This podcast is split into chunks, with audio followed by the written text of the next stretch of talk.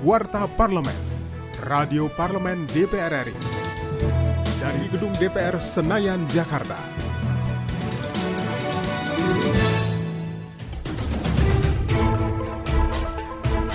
Anggota Komisi 8 DPR RI John Kennedy Aziz mengatakan terdapat mekanisme hukum yang dilanggar Kementerian Agama terkait pembatalan pemberangkatan jemaah haji tahun 2020.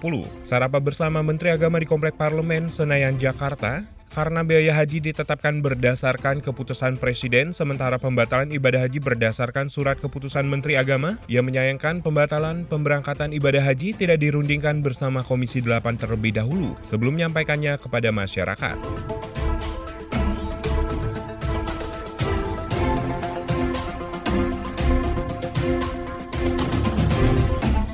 Komisi 10 DPR RI mendorong penambahan anggaran Kemenparekraf untuk menstimulus para pelaku pariwisata dan ekonomi kreatif. Hal tersebut disampaikan oleh Ketua Komisi 10 DPR RI Saiful Huda. Usai rapat kerja Komisi 10 DPR RI dengan Menteri Pariwisata dan Ekonomi Kreatif di Komplek Parlemen Senayan, Jakarta yang mendukung penambahan anggaran yang diajukan Kemenparekraf sehingga dapat membantu para pelaku pariwisata dan pelaku ekonomi kreatif yang terdampak pandemi COVID-19.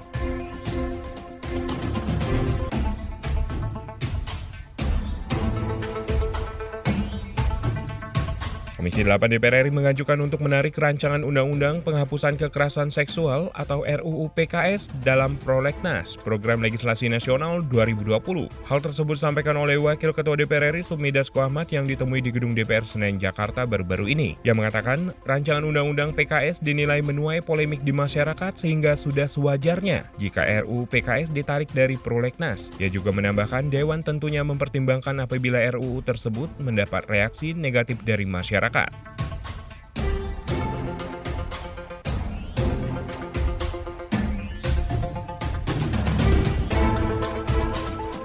Demikian Warta Parlemen, Produksi TV dan Radio Parlemen, Biro Pemberitaan Parlemen Sekretariat Jenderal DPR RI.